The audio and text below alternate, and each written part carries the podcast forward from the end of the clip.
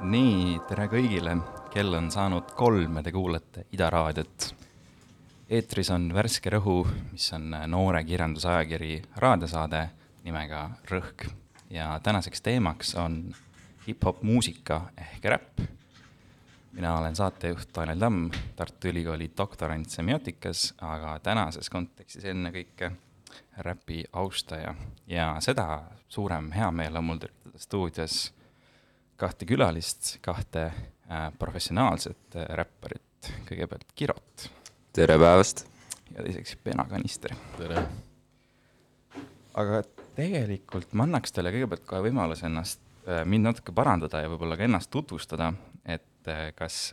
tiitel elukutseline räppar on ehk esiteks žanrili-, žanriliselt liiga kitsas ja teiseks, kas muusika on praegu teie nii-öelda põhitöö või on see, käib see muude asjade kõrvalt? noh, kui alustada, siis äh, kõrvalt, absoluutselt kõrvalt, neli-viis aastat äh, täiskohaga töö kõrvalt, ma ei ole otseselt siiani suutnud sinna punkti jõuda veel, kus äh, seda saaks nagu elukutseks nimetada, et ma arvan, et see on väga priviligeeritud grupp Eestis, kes saab seda teha. aga jah, see on võib-olla selline unistus, aga hetkel kindlasti mitte, et ma ei ütleks elukutseline räppar, aga lihtsalt ähm, loomingut viljelev suvaline tüüp, täpselt nagu kõik teised. ja mul on, no kuna ma käin koolis veel, siis äh, mul on kõiki kõrvad pigem, aga see on siiski äh, prioriteet number üks mul praegu, sest et mida oma noh, vaba ajaga teha nii-öelda. et ma teen ikkagi muusikat peamiselt ajal mm, -hmm. aga jah.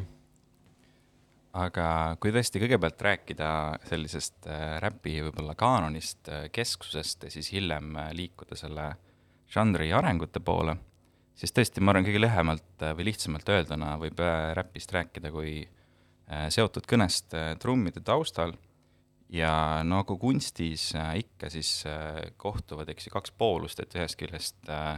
sellise päris elu või reaalse nagu äh, kirjeldamine, talletamine, aga samas selle kaudu ka teine poolus, äh, selle,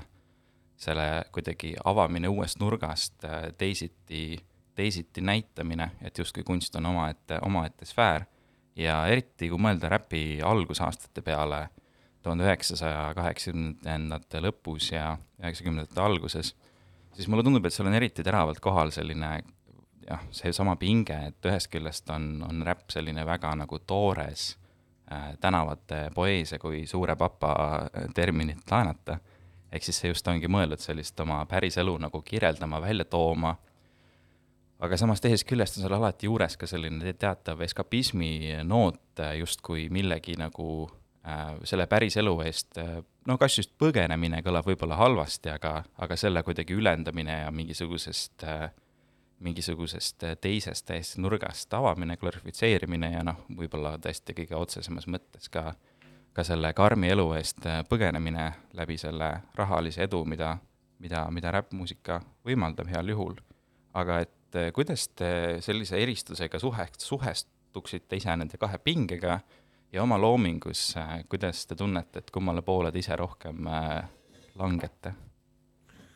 ma ütleks, et see noh, muusika üleüldiselt on äh,, on vili eskapismile ja, ja kõigele muule, et, et äh, räpp siinjuures ei ole nagu universaalne. et, et ma usun, et äh, räpp ongi lihtsalt üks noh, ta ongi muusikažanr, on ju. ja see on lihtsalt üks viis, kuidas seda kõike teha. meil on Eestis äh, väga palju erinevaid näiteid sellest äh, kuidas nii-öelda siis räppi teha, et meil on selliseid artiste nagu Eik, kes on äh, väga palju lähevad tegelikult noh, luulelises suunas on ju ja siis meil on väga palju uue kooli sound'i, mis siis on hetkel äh, raadiotes ja mujal, et, et, et see tuleb nagu erinevatest vinklitest. ma arvan, et äh, see, kuidas iga inimene lähtub sellele, see on äh, väga individuaalselt erinev, noh, mul isiklikult äh, on pigem väljundiks olnud see selles suhtes, et äh, ma saan enda seest jah, mingeid pingeid just nimelt ära, on ju. aga kindlasti on palju artiste meil siin ka selliseid, kes lihtsalt teevadki seda nii-öelda muusika eesmärgil. et et nii-öelda lahe on see ja mingisugused ägedad helid on ja seda on huvitav kokku panna ja tegelikult seda mingit sügavamat miiningut nagu taga ei ole. et jah, minu jaoks on hästi-hästi isikust endast äh, suhteline element selle juures no minu puhul on see, et no ma olen üsna kinnine inimene tegelikult ja siis see muusika nagu aitab äh, väljendada ennast ja aga Eestis üldse noh, üpris raske on äh, puhtalt muusika pealt ära elada. Niikuinii, kindlasti. Et äh, nii et äh, noh, raha pärast ma seda kindlasti ei tee selles suhtes. pigem kaotad raha. Jaa, tõepoolest, eks siin on selles mõttes hea ikkagi lahus hoida seda Eesti äh, skeenet ja võib-olla siis Ameerikat, üldist äh, maailmat, kus, äh, kus räpp vohab. Aga, sest mulle üldiselt ikkagi tundub, et, et just seesama nagu need viimased arengud, millele, eks ju, Kirot ka korraks vihjas, viitas, et, et seal on ikkagi, tundub, et mõnes mõttes on inimestel kadunud ära nagu see Äh, võib-olla soov kuulata ainult sellist äh, karmi reaalsust, igapäevaelu, nende, nende rasket elu ja marginaliseeritust, et see pigem on äh, muutunud selliseks tõesti nagu natuke voolavamaks kunstivormiks, mis just pakub mingisugust täiesti omaette maailma, kuhu ära kaduda. just selline noh, cloud rap võib-olla on selle parim näide ja üldine selline moodsam, natukene selline õhulisem ja, ja võib-olla ka mitte niivõrd rangelt nagu tekstipõhine, vaid just see helipilt on seal, on seal nagu tähtis. et eh, sama ja tegelikult, miks ma just eh, teid siia kutsusin, et võib-olla penakanistri puhul esiteks, et mulle tundub küll, et, et sinu muusikas on nagu väga huvitav see, kuidas, eh, kuidas tõesti seal avaneb mõnes mõttes mingisugune täiesti uus nagu maailm, et, et võib-olla tulla tagasi jah, nagu selle, selle eristuse juurde, et, et et ma saan aru, et seal muidugi mingisugused puutepunktid on päriselus, aga kuidas ise mõte, oled mõtestanud nagu seda nii-öelda helipilti või seda muusikalist maailma, igasugused kosmilised teemad ja muud, mis seal esinevad? no ma ei tea, kui ma lüürikat kirjutan, siis ma ei taha nagu piirata ennast, et ma võtan nagu päriselust muidugi inspiratsiooni, aga aga ma ikkagi fantaasiaga põhiliselt sõidan edasi sealt lüürikast, et ma ei, nagu ei jää, ma ei piira ennast mingite äh, päriseluliste vormidega võib-olla mm. -hmm. et mul, ma nüüd unustasin selle üles kirjutada, aga kusagil oli ka lahe rida, umbes midagi sellist, et et kohtad äh, printsessi veebruari keskel ja kopteritega äh, kesklinnast äh, Kreenholmi ja siis just see, et võib-olla saadki täpsustada, et kuidagi, et ma räägin oma, oma räpis nagu ainult tõde ja järgmisena randun elevandilu rannikul, et kuidas see baar, nüüd sorry, kuidas see baar käiski ja et et see printsessi oma yeah. see oli vist äh, printsess ootab mind veelombi keskel, kopterid Vaksalist Kreenholmi ette. et no ma olen Vaksalist pärit, ma olen terve elu Vaksalis, no Vaksal on see raudteejaam Tartus, seal piirkonnas. ja siis no põhimõtteliselt veelomp ongi siis see, mis noh, Kreenholm on, on ju veelombi keskel, et Äh, siis oligi sihuke fantaasialend, aga nagu ega seal mingit väga tiipi miiningut ei ole selles mõttes. Mhm. aga, aga just selle kõla poolest ka, et, et, et, et üks siis loomulikult nagu see sõnaline sisu, teine on see helipilt. Ja ma saan aru, et seal on muidugi produtsendil ka nagu suur osa mängida, aga et kas see on ka nagu teadlik suund, kuhu pürgida, et just selline hästi nagu palju reverb'i, palju sellist nagu atmosfäärilisust ja õhulisust, et kas see on kuidagi juhuslikult produtsendi mõjul niimoodi sattunud või see on ikkagi mingi taotluslik suund? no kui me esimest korda eh, stiili tegime, siis eh, see lihtsalt tuli niimoodi ja siis me jätkasime seda. et eh, see atmosfääri teema, see meeldib mulle, ma ise kuulan ka niisugust muusikat palju. Ja põhimõtteliselt sellist, me ei ole nagu proovinud mingit kindlat sound'i saada, vaid lihtsalt see tuli kuidagi ja siis me tegime seda edasi. Ja samas muidugi võrdlusmomendi mõttes, eks ju, äh, Kiroti looming on, mulle tundub äh, selline nagu hästi, hästi ikkagi palju rohkem isiklikum ja just seesama debüütalbum, mis nüüd siis umbes poolteist aastat tagasi ilmus äh,, appi, piinlik äh,, ka-, kapteni sillalt, mis selle nimi oli? südamete kapteni sillalt. südamete kapteni sillalt. et see tõesti, mulle mõjus küll nagu natukene selline klassikaline arenguromaan, et seal on justkui juttu siis sellisest eelnevast elust äh,, nii-öelda kasvuraskustest ja sellisest nagu äh, suunast äh,, kuhu edasi liikuda.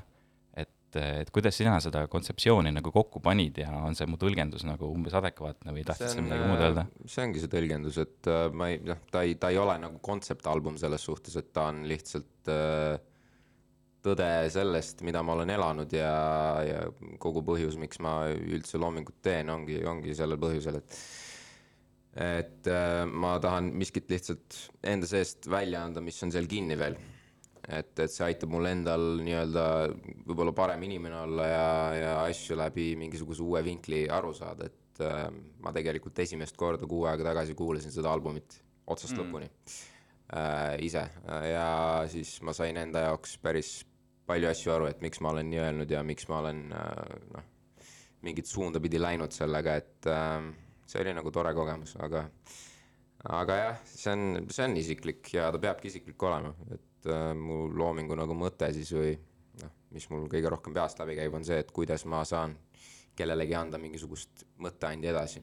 et panna inimest mõtlema äh, siis erinevate ühiskondlike probleemide peale ja noh, see ei pea alati olema hästi kriitiline muusikas, et sa ei, sa ei pea alati nagu minema sellise suunaga peale, et nüüd äh, noh, kuidagi see on halb ja see on halb, et äh, seda saab ka läbi positiivse noodi, aga ma täheldan ikkagi seda, et ma pigem olen negatiivne enda muusikas. jah, ja tegelikult üks võib-olla, mis oleks huvitav siin puudutada just nagu Eesti ja välismaa võrdluses, ongi seesama see nii-öelda ühiskondlikkuse roll, et kui räpp on eks ajalooliselt olnud küllaltki nagu mustanahaliste muusika ja just nagu sellest võib-olla marginalisatsioonist välja kasvanud, et äh, ja no ongi, et noh, et see natuke tu- tekitab minus tunde, et Eestis ongi raske nagu sama hooga peale lennata. Äh, võib-olla, et noh, ainuke erand olekski siis nagu selline vene päritolu, mis võib-olla meie kontekstis on noh, kuidagigi võrreldav äh,, kuigi selliseid eestikeelseid vene, vene räppareid on äh,, on väga vähe nagu esile kerkinud. aga ühesõnaga, mu küsimus olekski see, et äh, kui tulla korraks veel nagu kohaliku ja välismaise võrdluse juurde, et et mis te tooksite võib-olla välja selliste peamiste erinevatega, nii-öelda erinevustena, kui te ise muusikat kuulate, et mis on need nagu nii-öelda, ma ei teagi, siis riikide, riiklikud ja riikideülesed äh, lahkhelid ja, ja muud see on muutused? keeruline küsimus selle koha pealt, et ma nüüd, kui vaadata Eesti muusikamaastikku laiemalt, siis ma ei ole siiamaani vist täpselt aru saanud, ma ei tea, kas sul on sama äh,, täpselt sellest, et mis see meie, meie asi just, just kui ma mõtlen nüüd räpi peale, on ju, et siis mis see meie definitiivne stiil on, kui sa vaatad nagu eestlasele otsa, on ju, et siis mis mis räpi žanri puhul siis meie sound peaks olema, ma ei täpselt ei nagu ma ei ütleks, et sellist asja eksisteerib tänase päevani, et me jäljendame väga palju tavaliselt sellise kahe-kolmeaastase läägiga äh, seda, mis toimub äh, läänemaailmas ja nii paraku on lihtsalt, aga siin, kui nüüd võtta Eesti ja selle maastiku võrdlus, siis ma ei ütleks, et meil teeb keegi palju halvemini siin äh,. kui sa võrdled kasvõi miks asju mingite väiksemate koolkondade poolt kuidas vokaalne delivery on põhiline vahe on lihtsalt selles, et miks meil on siin mitte nii edukad tüübid ja seal on edukamad tüübid, on see, et meil on eestlasi kuskil eesti, eesti keele kõnelejaid on noh, ütleme maailma peale kokku äkki miljon, siis äh, lahuta sealt see arv, kui palju on nüüd päriselt jääb üle neid räpikuulajaid, siis lahuta nüüd alaliigiti see ka veel ära, kui palju on siis päriselt neid, kes kuulavadki eestikeelset mingisugust X-räpi žanri, noh, neid on võib-olla mingisugune paari tuhande pealine seltskond, kellel, kelleni sul on üldse lootust jõuda. Et ähm, kui nüüd tuua probleemid, et noh, näiteks raha ei ole, muud asjad, see on see, see tuleb nagu sellest. aga, aga jah, sihukest definitiivset Eesti asja ma ei, ma ei oskaks nagu sõrme peale panna, et mis see nüüd võiks olla, et, et ma ei tea, kas meil on oma sound. jaa, ei, ma arvan nagu täpselt sama, et äh, ütlesid juba kõik ära ka, et äh, nagu eesti keel on lihtsalt äh, nii teistsugune või no nagu see on kõik need käänded ja asjad, et äh, ma ei tea, biite saab teha nagu sarnaselt välismaaga, et äh, aga lihtsalt, kui sa sinna juba eesti keeles räpid, siis see juba kõlab nagu teistmoodi ja s- kindlasti jah. vot ja tegelikult sellega seostubki hästi seesama justkui nagu siis see räpi võib-olla kirjanduslik pool ja see tekstiline osa, et jällegi eesti keel on selles mõttes tõesti väga omapärane ja mõnes mõttes äh, riimimiseks raske, et on, eks ju, foneetiline keel, kõik tähed äh, tuleb välja hääldada, siin on äh, palju, palju kaashäälikuid ja samamoodi, eks ju, vältepikkused erinevad, et äh, et, et, et võrreldes mingisuguste teiste näit-, no eelkõige inglise keelega kus on sellist nagu voolavust äh, rohkem ehk siis ma ei tea, et kui te tõesti kirjutate nüüd oma, oma sõnu eesti keeles, et kas te tunnetate ka seal mingisuguseid nagu noh, et, et kas teie miski jääb teid nagu häirima või kuidas te, kuidas teile tundub eesti keel üldse nagu sellise räpikeelena, kui hästi ta selleks sobib? minu jaoks ei olnud ähm, vastuvõetav alguses, ma ei, noh, ma ei kuulanud kunagi eestikeelset muusikat, enne kui ma päriselt hakkasin ise muusikat tegema, siis mul oli väga tugev vastandlikkus kogu selle Eesti räpi skeene vastu, noh, ma nagu ei suutnud seda kuidagi vastu võtta, et eesti keel on ilus keel ja minu jaoks see nagu ei passinud kuidagi, et ja alguses ma tegin ka inglise keeles ainult. aga siis vaikselt nagu hakkasime tegema eesti keeles ka aga just need esimesed paar-kolm aastat oli tegelikult protsess, noh, siiamaani see on elukestev protsess ilmselt, kus sa nagu õpid nii-öelda kirjutama. kus sa siis äh, muutud artikuleeritumaks, kus su keel areneb, kus sa näed rohkem seoseid ja saad rohkem sellest aru, et kuidas ma ütlen midagi unikaalselt, kuidas ma toon mingisuguseid selliseid sõnu mängu, mida veel öeldud ei ole, sest noh, jällegi võrdlusmoment inglise ja eesti keele vahel. Inglise keeles on nii palju rohkem võimalusi, kuidas ennast väljendada, et, et, et eesti keeles sa oled hästi limiteeritud selle osas, noh. et ähm, jah mm,. ja mul oli, no ma hakkasin nagu kohe eesti keeles kirjutama, et ähm, ma lihtsalt ei osanud inglise keelt veel tol ajal, kui ma esimest korda kirjutama hakkasin. aga äh, nüüd ma olen proovinud ka lähi, noh, lähiperioodis ma olen proovinud inglise keeles ka kirjutada, tegelikult nagu inglise keeles on palju lihtsam kirjutada aga nagu lihtsalt äh, eesti keeles ka ei ole otseselt raske, aga äh, lihtsalt noh, mingid riimid võib-olla, mis juba korduvad mingites vanemates lauludes ja siis neid nagu vältida, üritada vältida. no näiteks mingi maha, taha mm. -hmm. ja võib-olla see ei ole isegi kõige suurem probleem, just see on, et noh, kui sul on näiteks see, sul on inglise keeles on I love you ja eesti keeles on ma armastan sind, siis see on, selle vahe on nagu noh, see eestikeelne variant on niivõrd ähm, kuidagi avatum ja, ja raskesti seeditavam, et kõiki asju ei saa eesti keeles öelda lihtsalt äh, samas mm. kontekstis. et need noh, kuidagi inglise keel, noh, ta on veits sellisem äh,, kuidas ma ütlen, pinnapealsem nagu. et, et mulle tundub, et eesti keelega sa nagu ei saa väga palju valetada et see on hästi läbinähtav, nii kui sa hakkad valetama või, või hakkad kuidagi jah, mingeid väga raskeid asju ütlema, et noh, see cringe'i piir on väga lihtne kätte tulema, et seal tuleb väga jõhkralt silma peal hoida. jaa, aga samas on äh, muidugi eesti keelel ka mingisugused eelised, mulle tundub, et äh, näiteks üks huvitav nähtus on, eks ju see, et kui eesti keeles reeglina äh, sõna või noh, rõhk on nagu esimesel silbil alguses üksikute erandite, eranditega, ja üldse kuidagi noh, et kui ma olen ka välismaalastele rääkinud, et äh, kuidas või noh, näidanud, kuidas eesti keel kõlab, et nende esimene tähelepanek on ka see, et see läheb nagu hästi niisugune kratata, kratata, kratata. silbid on nagu hästi kuidagi eraldi esil ja just see sõna nagu alguse rõhutamine võimaldab sellel rütmil nagu hästi tekkida. selles mõttes on ka huvitav, et, äh, et ma olen küll tähele pannud, et äh, Kirvat, sinu puhul on just nagu hästi palju selle algriimiga, alliteratsiooniga mängimist, mis on ka Eesti nagu regilaulus olnud peamine ehk siis, kui nagu sõna alguses on sarnased häälikud ja see tekitab mingisuguse rütmi. et äh, kui me hiljem jõuame kuulata, vaata, mis ma välja kirjutasin äh,, seesama, eks ju, seal aken all, et džentelmenist on saanud šarlatan, kuld nende kätel kompleksi katab, noh. et äh, samas nagu kuulat-, kuulates seda loomikut nagu läbi aja, mulle tundub, et see on sinna tekkinud pigem nagu aja jooksul. et kas on asi, millega sa oled teadlikult tegelenud või on see kuidagi loomulikult tulnud? Äh, ma pigem lihtsalt olen üritanud võib-olla rohkem mingit enda unikaalset loogikat välja selgitada ja noh, ma olen aru saanud seda, et mulle meeldib hästi palju sõnu pakkida. Mm.. ja ma olen sihuke noh, mul ei ole väga hullu teadmist nii-öelda äh, eesti keele reeglistiku kohta ja ma ei vaata muusikale peale kui mingisugusele väga struktureeritud asjale, aga rütmiliselt noh, ma tajun kohe seda, kui mul on kasvõi üks mingisugune väike lisasilp liigne seal noh, mind ennast häirib äh, räppmuusika puhul kõige rohkem see, kui on inimesed pakivad liiga palju endale silpe loo sisse, siis nad peavad hakkama kas enda flow'i pikemaks tegema või lühemaks tegema, noh, mulle meeldib hästi pakitult palju sõnu ja hästi korrektselt struktureeritud silpide arv, et sealt tulebki noh, see võib-olla siis minu nii-öelda mingisuguse flow'i ja mõtteloogika, et äh, et see on ilmselt ajaga arenenud selliseks, nagu ta on, alguses ta kindlasti selline ei ole, et noh, kui ma kuulan neid asju, mis ma SoundCloudis tegin mõned aastad tagasi, siis see artist on täiesti teistsugune, et et noh, see ei ole nagu, see oli lihtsalt areng selle punktini, kus ma praegu olen ja noh, see areng ei ole ka lõppenud, et äh, et ma arvan, noh, sa jäädki arenema läbi aja ja, ja samas nagu vot, et siit tõesti tuleb natukene välja ka see nagu räpi eelis sellise kirjaliku luule ees, et seal on niivõrd palju rohkem nagu võimalik mängida selle intonatsiooni ja hääldusega,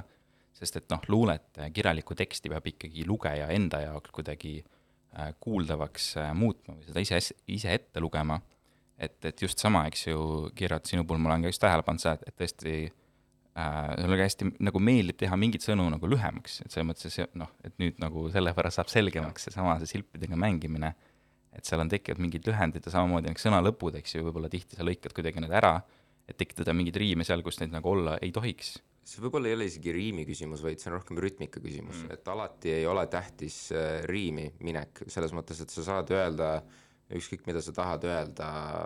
läbi ükskõik millise viisi, et sa ei pea alati, noh, räpis on ja mingisugune riimide loogika, eks ole, aga kes ütleb, et sa pead mm.. et minu jaoks on kõige tähtsam selle asja juures rütmika ja see, et sa kõlad läbi ja see, et sa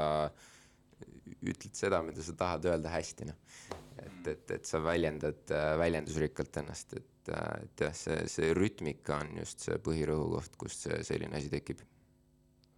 jaa, et äh ja aga samas on, eks penakanister sinu puhul on jällegi see, et kuidagi äh, nagu meeldib otseselt venitada mingisuguseid väljendeid ja fraase, ega nagu autotune'iga kuidagi need mm -hmm. teha nagu veel kõlalisemaks, aga siis sinna, sinna vahele tekivad ka sellised nagu kiiremad käigud, kuidagi rütmistatud, et see moodustab sellise väga hea nagu duaalsuse ja eks me hiljem jõuame kuulata ka mõnda näidet,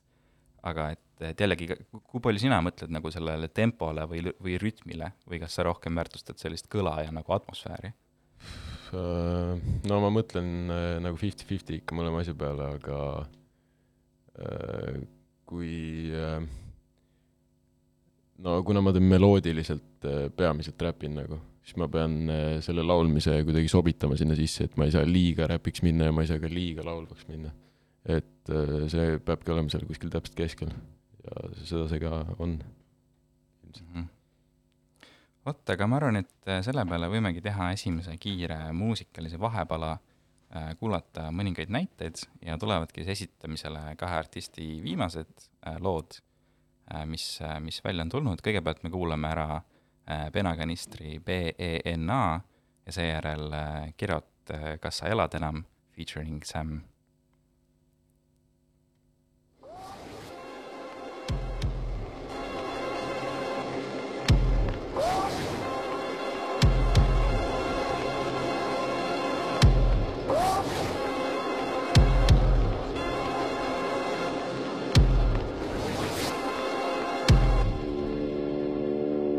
päike paistab. päike ikka paistab.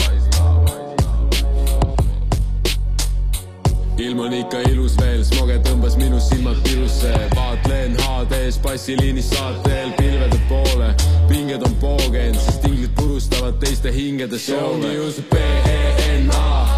siit mis voolab mu DNA-s sõnad pole peas, vaid need on keele peal, mustvalu siis nad türa me ju teeme ka. B-E-N-A, siit mis voolab mu DNA-s. sõnad pole peas, vaid need on keele peal, mustvalu leevendab, sest kui meid juba tehti, siis nad türa me ju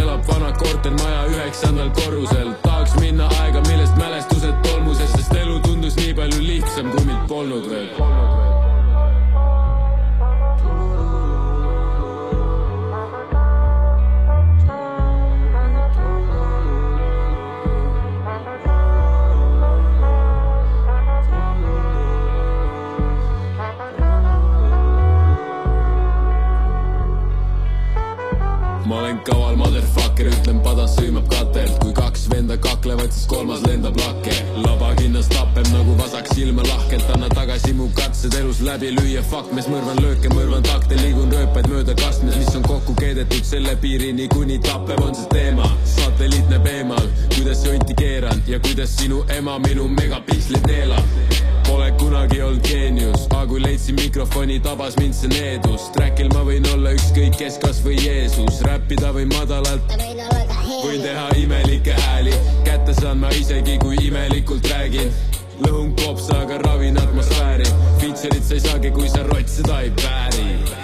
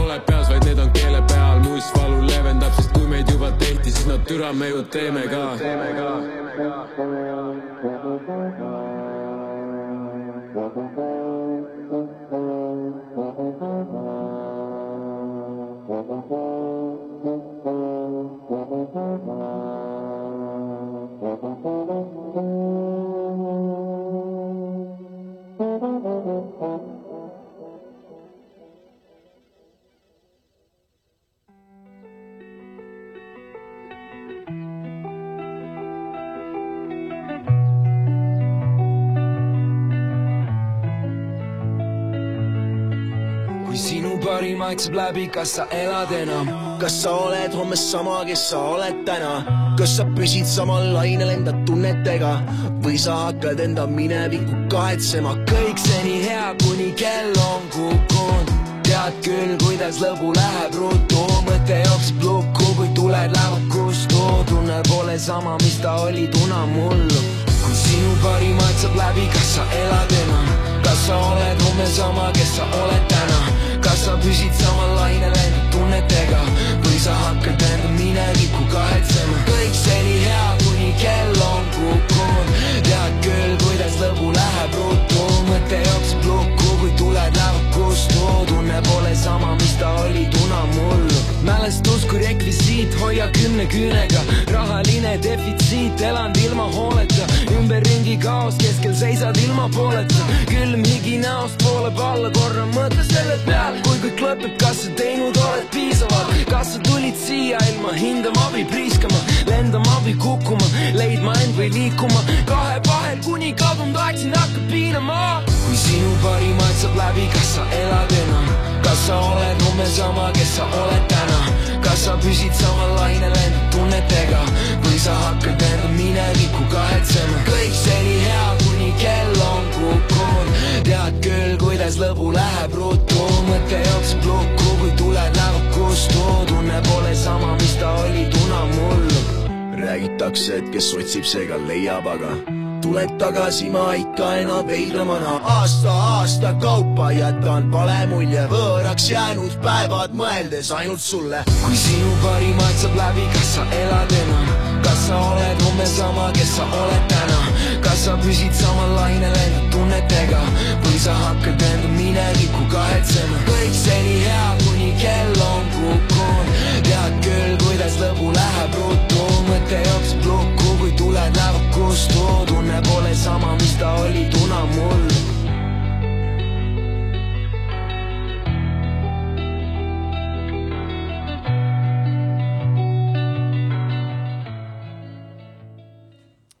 tulemast äh, tagasi ja järgmine teemaplokk, mida võib-olla pikemalt käsitleda, oleks äh, just küsimus äh, autori positsioonist äh, räpi loomingus ja sellest nagu nii-öelda inimesest, kes seda muusikat teeb,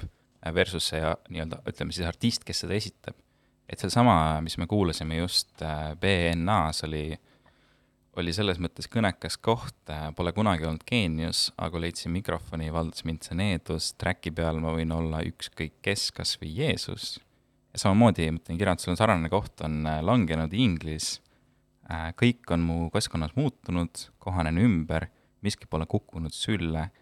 Kristjan maha on maetud, sest ta ei õppinud üldse, kirotiks ristitud ümber. et, et kuidas te ise suhestate nii-öelda oma seda äh, ma ei tea, päris mina oma siis selle artisti isikuga. no see on suht huvitav jah. päris mina, no äh, ma arvan, et äh, mul on nagu sihuke karakter on ju, perekonister, aga ma arvan, et ta erineb äh, päris minust võib-olla selle poolest lihtsalt, et äh, ta nagu äh, on äh, sihuke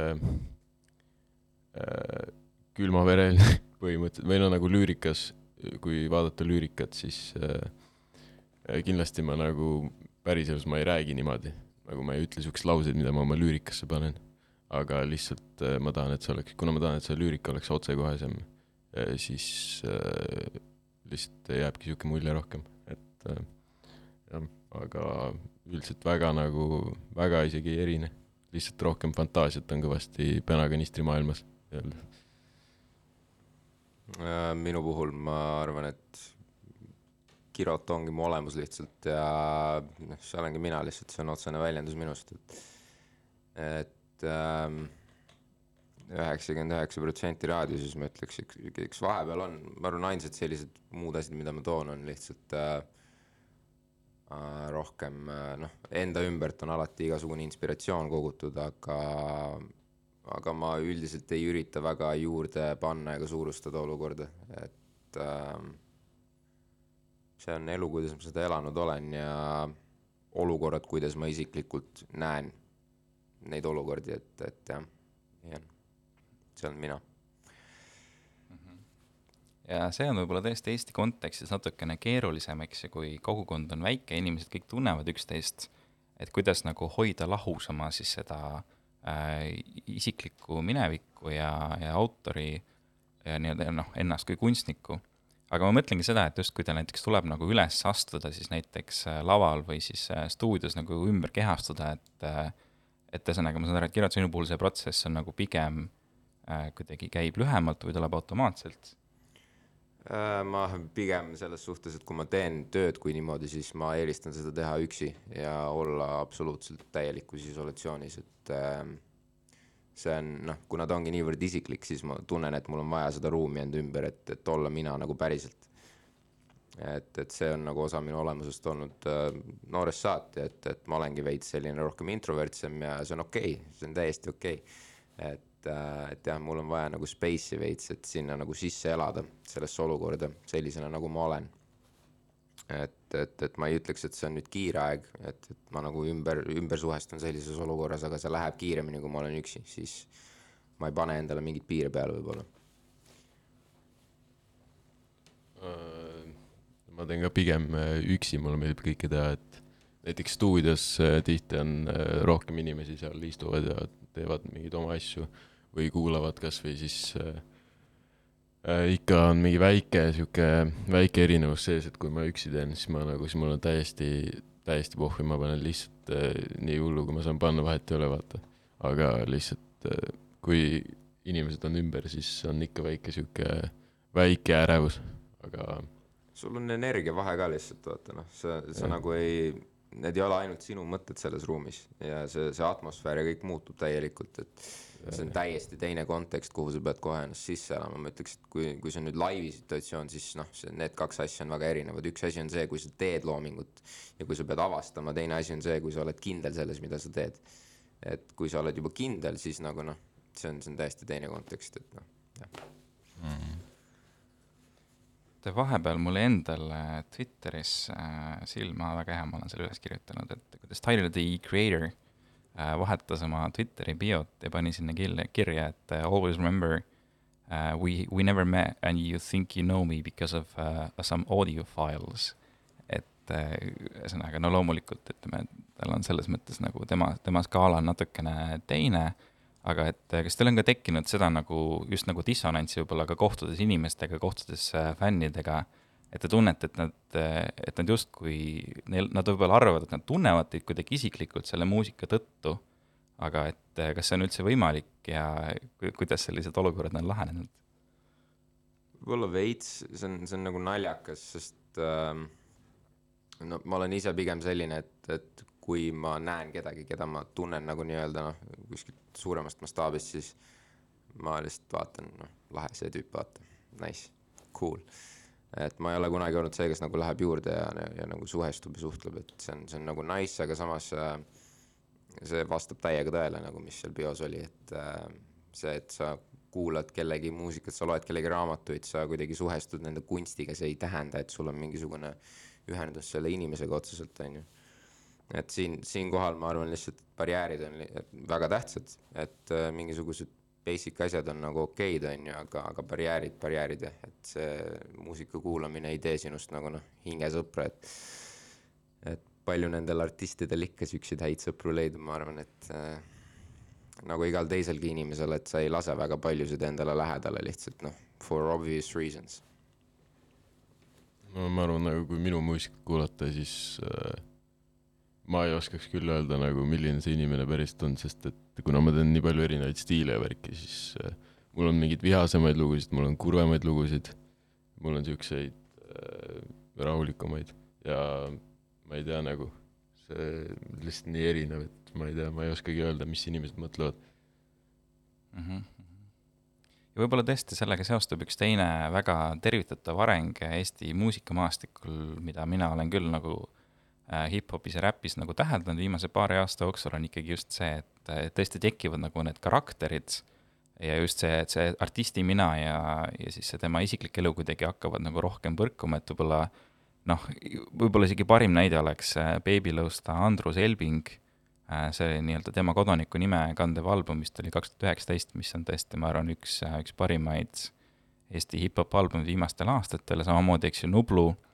on, on selles mõttes nagu võib-olla kõige kuulsam näide just sellest, et äh, jällegi selline tegelaskuju ja anonüümsuse hoidmine, samamoodi võib-olla Viis Miinust, eriti nende algusaastatel. ja tegelikult tõesti, ma jõudsingi vahepeal hiljuti järeldusele, et, et et üks parim viis, kuidas inimest tundma õppida, on küsida, mis ta arvab Viiest Miinusest. et võib-olla jah, ütleme kõige parem viis on minna koos kanuumatkale, aga see oleks teine pakkumine. kasutan võimalust, et ühesõnaga, mis teie arvate Viiest Miinusest, kui ma seda nüüd nii lahtiselt küsin? no Eesti maastikul arvaku, mis keegi arvab, selles suhtes nad on pioneerid ja kõik on väga edukad inimesed, et äh, mul ei ole küll ühtegi halba sõna öelda nende kohta, et selles suhtes, et kui sa suudad ükskõik, mis siin kellegi arvamus on selle antud asja juures, aga kui sa suudad äh, seda asja nii edukalt teha ja praktiliselt võtta, võtta enda tehtuga mingil määral riik üle nagu selles valdkonnas, eks ole, siis, siis sa oled midagi väga õigesti teinud, et noh, selles mõttes palju õnne, poisid, ja mul ei olegi öelda selle koha pealt minu arust see OG Viie Miinuse faas lõppes ära lauluga Aitäh sulle või aitäh. veits küll jah. oli, aitäh teile. veits küll, aga ma ütleks, et see nagu on tegelikult ju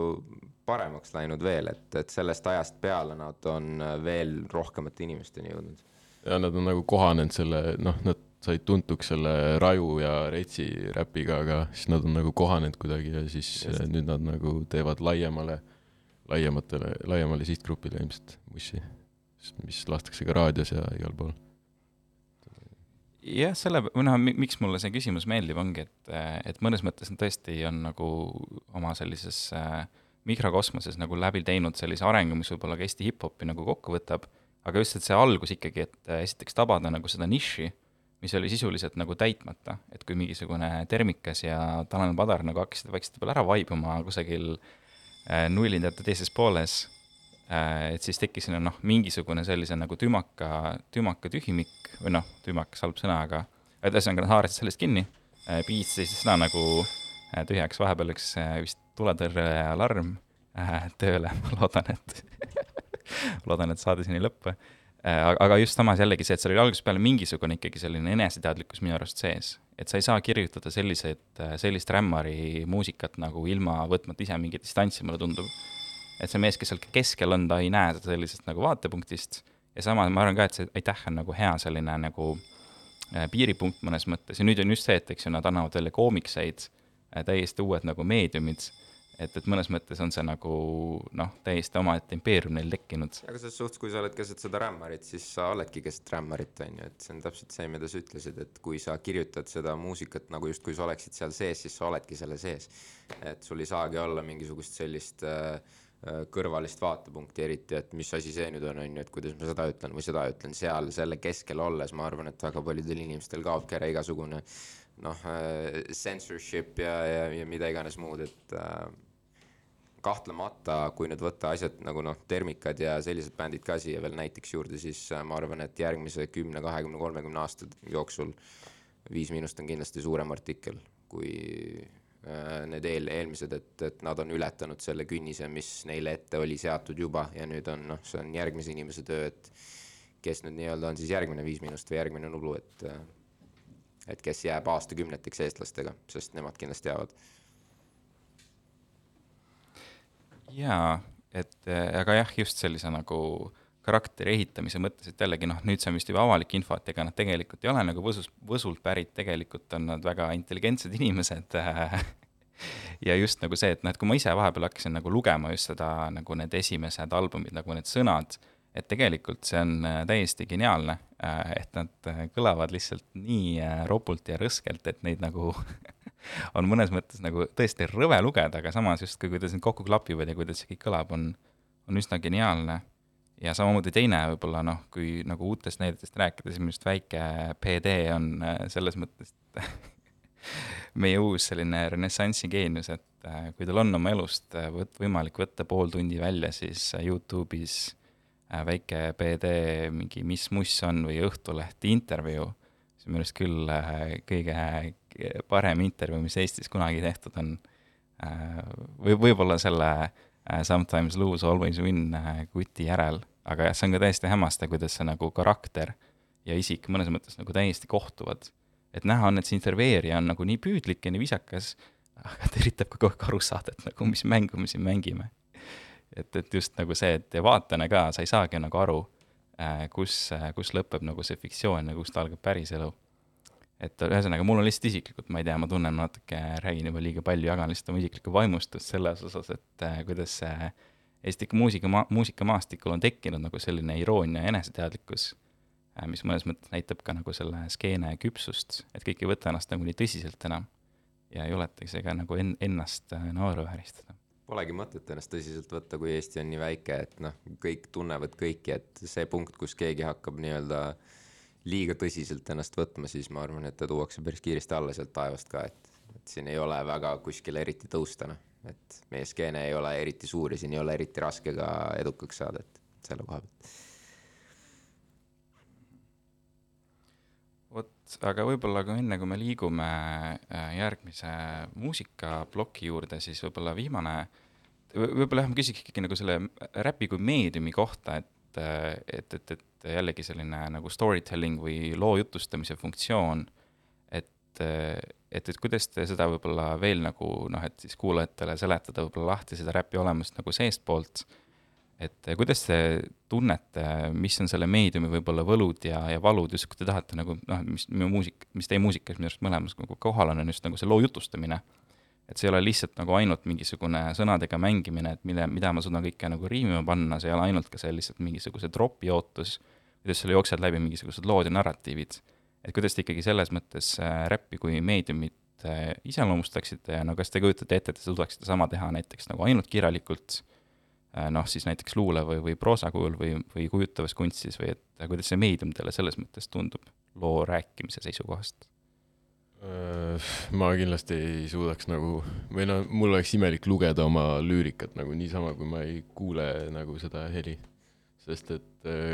kuna mul on lihtsalt need meloodiad ja asjad sealjuures ja ad-libid ja kõik nagu annavad juurde tegelikult sellele tervikule, et see täpselt sama minu jaoks lõppes see ära nagu, see, et ma üldse kirjutan niisama, et äh, varem ma kirjutasin ette rohkem nii-öelda noh et, et oled lihtsalt, istud diivani peal ja siis kirjutad mingisuguseid sõnu ja lauseid, ma ei ole seda teinud kaks aastat nüüd, et et äh, ainult siis, kui mul on taust taga, sest see on see, kust tuleb see inspiratsioon, ma lähtun konkreetselt sellest, et mida meloodia ütleb mulle. noh, ta annab sulle mingisuguse informatsiooni kätte, mingisuguse tunde, mingisuguse tuju, mingisuguse meeleolu ja, ja selle, sellest lähtuvalt sa liigud äh, sõnadega mingis suunas et ilma selleta ma ei kujutaks ette küll, ma võib-olla näen seda kohta, kus neid tekste saab analüüsida ilma muusikata taga äh, ja niiviisi ette neid võtta, aga, aga et looks äh, neid sellisel viisil ma ei.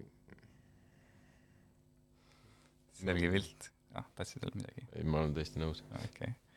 aga siis äh, teemegi meie viimase muusikapausi ja nüüd kuulame, et noh, kui eelmised lood olid siis viimased äh, singlid, siis nüüd kummagi debüütalbumilt äh, valikud. kõigepealt siis tuleb, eks ju, Kirot äh, lauluga Elumeri ja seejärel äh, Penakanister lauluga Kütus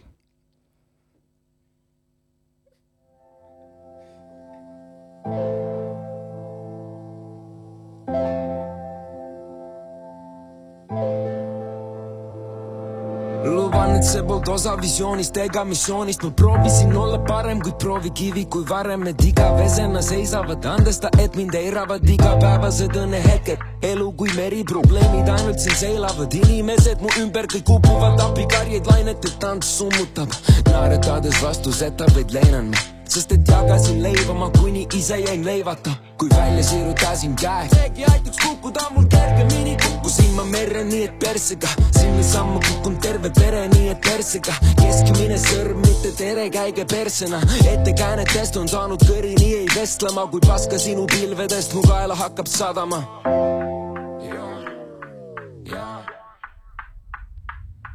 ei, see on nii haige, kuidas haiget teeb sul armastus, kus hingemat vaid kuid või aastaid genereerib vallatust, egoism, ajastust, kontrollimatu vajadus, kõik lõhkuda siin maailmas, mille ise olen rajanud, kuid väisates neid teid ma näen, kes on see mees seal peeglis, kes kannab seda valu isegi kui see ei meeldi, kes ütleb välja kõike isegi kui see on eetris, siis ei kahetse, vaid elab seda kõike läbi elumere. kuigi elu meri keeris, ära karda sõber ja alles enda sees, mis liialt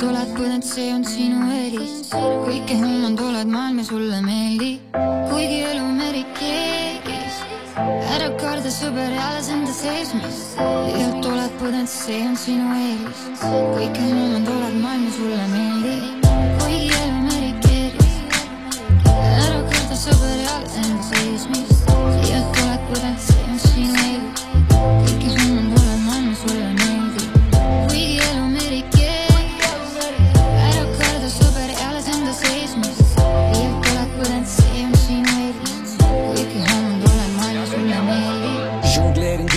ühte, kahte, kolme, nelja murepalli korraga neid kukutades äratasin leedi. probleemid, mis on kinni olnud enda peas, on kulutanud hinged ära tervel minu lähedastel leeril ning lootes, et see päästab iseennast päästnud valla, olen keeristormi, mis ei kanna vaibumise märke. nüüd iga piisk või niiskus, mis ei ole minu kanda nagu ankur tõmbab alla mind ja maksab mulle kätte. ja kui ma nutan, on krokodillipisarad pühkida vaja, rutakad päästa on vaja parimad ajad, parimad sõbrad, parimad sõnad, sest olen ise pisaraid valanud võõraste nootide üle mu õlal, need alustasid minu südames sõja ning sõjal kui võitjad kannab ainult kaotusi kõikjal. kõik laevad järgemööda vajuvad põhja, kui paadis on vesi, ma palun, et sa päästaksid end.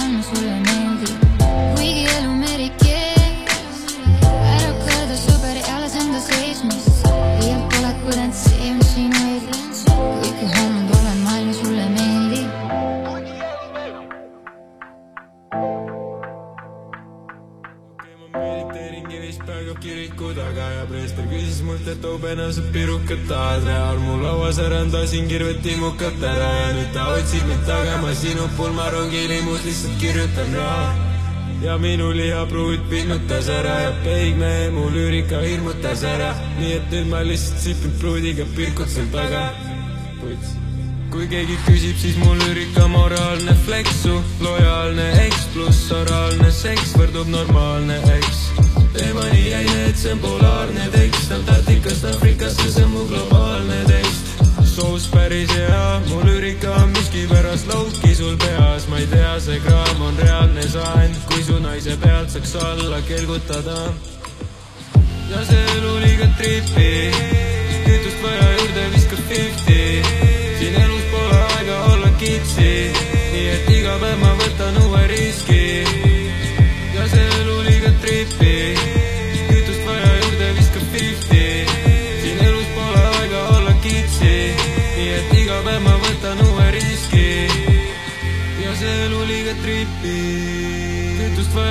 viska fifty,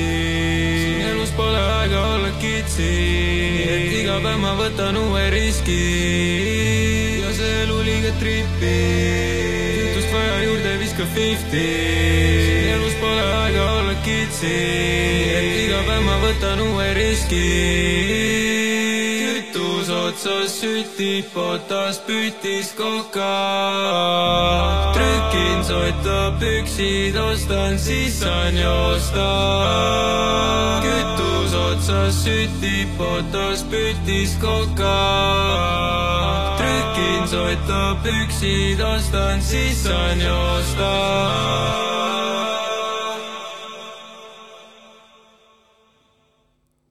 nüüd äh, lõpetuseks viimased äh, kümmekond minutit veel ja mõtlesin, et üks võib-olla suurem teema, mis on jäänud käsitlemata, on esiteks siis see, et äh, et selline nagu noh, et, et räpi roll ühiskonnas on väga palju muutunud, et kui see algas sellise väga nagu counterculture, eks ju, sellise nagu vihase mainstream'i vastase muusikaga, siis sellest on saanud nagu täielik peavool tänaseks, eriti kui me võtame hip-hopi nagu noh, žanrina võimalikult laialt. et see on isegi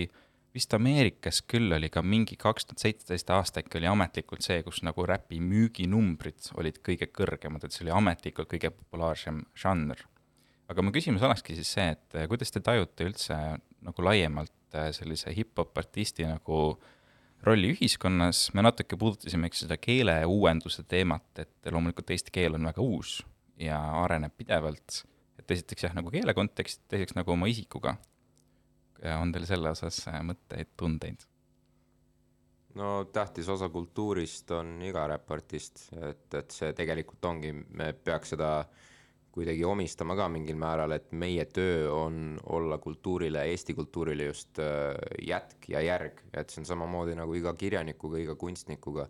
iga räppariga, me, me peaksime võtma selle tegelikult eesmärgiks, et me teeme kultuuriruumi enda ümber paremaks, laiemaks ja mingil määral haritumaks, et äh, et sõnavara ja kõige muu osas kindlasti me mõjutame seda, et noh, oletame, et sa teed mingisuguse loo, mida kuulevad kõik eestlased lõpuks, siis äh, kui sa paned sinna mingisuguse eriti ägeda sõna, mingi puuksõna, mis jääb inimestele kõrva, on ju, siis noh, täpselt samamoodi nagu rämmar on, on ju. rämmar on tänaseks meil ikkagi väga levinud sõna, see tuli täpselt samamoodi läbi lugude, et, et, et, et sellised väiksed asjad nagu keelde on kindlasti üks asi aga teine asi on see jah, et noh, enda tegudega ka muusika kõrv- äh,, muusika kõrvalt me, me mõjutame aktiivselt kultuuri, kindlasti. mm,. nagu räpp on üldse, ma arvan, nagu nii populaarsel tasemel äh, nii uus Eesti jaoks. ja lihtsalt ma arvan, et kui sa ütled näiteks äh, mõnele vanemale inimesele, et äh, ma olen räppar, siis ta ilm- ilmselt mõtleb midagi negatiivset, vaatab või, või siis ta nagu ei saa üldse aru, millest sa räägid. et äh, kui, aga tegelikult see on nagu näiteks luuletaja on põhimõtteliselt ju sama asi, aga lihtsalt äh, looming on natuke teistsugune, aga see inimesena tegelikult ei mõjuta nagu nii palju. mina arvan nii, vähemalt. jaa, et eks tõesti see, võib-olla siis selle keeleuuendusega seoses, et lihtsalt jällegi äh, äramärkimiseks selline huvitav fenomen, et ma vahepeal ise mängisin sellist nagu mängu omaette äh,, et ma kasutasin võimalikult tihti äh, väljendit mis seal ikka. ja minu mäng seisnes selles, et kas inimene ütleb selle peale hakkab pihta, ehk siis äh, Nublu mina ka vist. ja see on täiesti hämmastav, et see oli mingil hetkel nagu Eesti rahval välja treenitud nagu mingi Pavlovi koeral nagu refleks ja mulle tundus, et nad ei, nad ei saanud ise sellest alati arugi. see kuidagi tuli automaatselt ja siis vestluseks edasi. Et siis ma jõudsin ka kohale, et mingi vau, asi on tõsine äh,. aga, aga üldisemalt jah, võib-olla siis äh,, et kindlasti see imidž on nagu palju muutunud, aga, aga võib-olla ma korraks tuleks veel tagasi vahepeal äh, pausi ajal, Gerard, sa mainisid huvitavat fakti, et sa tegelikult väga kirjandust ise ei loe ja ka teist muusikat äh, kuulad võrdlemisi vähe jaa, no mulle meeldib rohkem teha, kui, kui tarbida. ma arvan, et see on see põhivõtmekoht, kust võtta. Et lugemise puhul äh, mulle tegelikult meeldib jõhkralt lugeda sellist äh, teaduslikku teksti, et, et ilukirjandust niivõrd mitte, aga kui ma loen midagi, siis ma loen mingisugune kaks-kolm tundi järjest Vikipeediast täiesti suvalisi asju, et see on nagu, see on, see on see, mis mind hu- huvitab ja kõnetab võib-olla äh, siis kui võtta mingisugustki kirjandust, et aga, aga tarbimine kui selline et ma üritan piirata seda, et, et ma ei oleks äh, liiga šnitti võttev ja ma leiaksin mingisuguse enda lahenduse loomingu, loomingu kaudu, et et mul ei oleks mingisugust mõjutajat ja et, et heli oleks unikaalne, võimalikult unikaalne siis, et see on, see on nagu see eesmärk selle taga olnud. Bene Kanister, kuidas sul kirjandustund koolis äh, läheb peale või mitte? Äh, no ma ei tea, noh, ma olen ma olen seitseteist, et mis sa ikka tahad nagu raamatute või no nagu selles mõttes, et ma ilmselgelt ei ole väga suur noh, raamatute lugemisfänn, on ju. aga äh, näiteks, mida ma võiks lugeda vabalt, on näiteks mingi elulood või midagi siukest. et need mulle meeldivad, aga jah, mingi ilukirjandusraamatuid ma nagu, ma nagu ei jaksa lihtsalt pühendada nii palju sinna oma aega nagu, et mingi, mingit story't lihtsalt jälgida, aga ma ei tea ei, ega ei peagi, ma ei tahtnud üldse liistule niimoodi ei, tõmmata. aga ei, lihtsalt endal huvitav kuulata ja tegelikult sellega võib-olla seostub ka see üldine nagu meediumi muutus, eks ju, et kuidas äh, üldse nagu info tarbimine on loomulikult muutunud äh,. ma just vihjan sellele, eks ju, et äh,, et jällegi noh, Vikipeedia artiklid ja sellised lühivormid muutuvad populaarsemaks ja ma arvan, et muusika ka nagu mõnes mõttes arend-, asetub nagu sellele reale. mulle tundub küll, et noh, et tõesti äh, kellest räägitakse nagu ma ei tea, viiekümne aasta pärast suurimatest noh, kas või Ameerika poetidest, ma arvan, et me saime mütsi ära, kui Kendrick Lamar ei ole seal nimekirjas näiteks. Äh, et jällegi noh, et see ongi lihtsalt see uus viis, kuidas, kuidas lugusid äh, räägitakse, see ongi mõnes mõttes uue vormi kirjandus, aga et kuidas teile tundub, et kuidas sellised nagu tehnoloogilised arengud ja võib-olla nende nagu tõrgete vähendamine on, on, on räppi muutnud, sest te vist mõlemad mainisite ka, et alustasite kusagilt SoundCloudist nagu laadsite ise üles sellist oma asju. et ei olnud nii, et sa pead müüma nagu oma mingit äh, VHS teipe kusagil tänava peal, lootuses, et mingi plaadifirma vend nagu selle ära ostab ja lepingu annab. ei, tänapäeval on, tänapäeval on sellega ikka väga palju lihtsam, näiteks äh, ma kuulsin, et kui NWA äh, alustas, siis nad oma esimesi rekordeid äh, müüsid põhimõtteliselt nii, et nad lihtsalt relva, relvadega läksid nagu ja siis davai, osta, vaata. nagu ähvardasid, Easy rääkis seda mingis intervjuus, ma ei tea, kas see on tõsi, aga aga tegelikult sellel on üks kõrvaline probleem, mis on natuke kurb, et kuna see on nii lihtsasti kättesaadavaks tehtud kõigile, et äh, sa võid minna, noh, sulle laetakse igasse absoluutselt mugavasse keskkonda ülesse kõik projektid, on ju kuulad midagi ei meeldi, vajutad ilusti skip'i nuppu või paned mingi teise loo üldse peale, on ju, et sul ei ole mingisugust investeeringut sellesse nagu, et äh, artistid võib-olla kaotavad mingil määral kuulajaid selle koha pealt, et noh, kui sa teed nüüd albumi, on ju, siis see albumi kultuur tänu sellele on nagu veidi suremas, et äh, et kindlasti, kui sa ostaksid albumi ja sul on ainult see CD-plaat, mille eest sa oled juba raha maksnud ja sa paned selle kassetimängisse siis või äh, CD-mängisse, siis ilmselt sa kuulad selle lõpuni algusest ja, ja sa süvened sellesse palju tõsisemalt, aga noh, samas kui sul ongi see valik, et noh, ma tahan, kuulan seda lugusid, tahan, vajutan siia, tahan, vajutan siia, siis see, see kontekst muutub täielikult, et see on nagu, natuke on kahju selle üle, sest et album on minu jaoks päriselt see nagu ilus asi, mis on võib-olla siis see räpp, räppmuusika juures äh, noh, endale isiklikult vähemasti tähtis, et see, see räägib nagu mingit lugu suuremas pildis ja, seda on kindlasti keerulisem teha kui lihtsalt ühte singlit, mis on edukas. ja ka jah, tõesti albumitest rääkides kokkuvõtteks võib-olla võite ka siis rääkida, et äh, mis teil, mis teil tulemas on, kus teid äh, leida võib ja nii edasi mm,? tulemas on äh, viiendal märtsil, viis märts, laupäev on see vist on jah, äh, tuleb üks singel, üks äh, sihuke lõbusam singel veits. ja siis sealt edasi tuleb veel üks singel, mõlemad nad tulevad muusikavideoga. ja siis äh, tuleb äh, ilmselt väike EP mm.. jah, ma ei oska öelda, millal see kõik, aga viies märts on see kuupäev, mis ma äh, panen kinni nii-öelda ma ei oska nagu öelda mingit kuupäeva hetkel, sest et see on alati see, et äh, ma nägin ühte head meemi täna just, et seal oli äh, kuidagi, et jaa yeah,, my EP has been uh, getting ready for three years umbes, but it's still not mastered uh,. ühesõnaga märtsis ma loodan, et tuleb siis selline lühialbumi projekt välja, kaheksa lugu uh,, sealt ilmselt tuleb singel esimesena uh, Reketiga uh, siis äh, suveks on planeeritud üks, äh, veel üks lühiprojekt ja võib-olla enne suve tuleb üks äh, bändiga projekt, bändis siis teevad kaasa Samal Habe, äh, AC ehk siis veel üks äh, Karel ja ehk siis Doktor Uhs ja Kristallvesi. et, et jah, seal on sihuke viis-kuus lugu ka, et, et neid projekte tuleb ühesõnaga nagu Vändrast saelaudu varsti, et Äh, bändidest rääkides, siis äh, me ise teeme ka Tartus ühte bändi, mis hakkab varsti troppima ka. selle nimi on Gedo Akadeemia. Ja seal on äh, üks produusser ja siis kaks räpparit, üks neist olen mina, ehk siis kõik on Tartust. Ja et äh, seda on äh, mõõtet ka oodata, see on huvitav. okei okay,, väga lahe, siis teeme tõesti nii. Ja ma saan jällegi, mis seal ikka, aitäh teile kuulamast, suur aitäh teile stuudiosse tulemast, stuudios olid siis äh, Kirot ja Pena Kanister, minu nimi on endiselt Daniel Tamm ja järgmine saade Rõhk on eetris juba tund aega vähem kui äh, kuu pärast.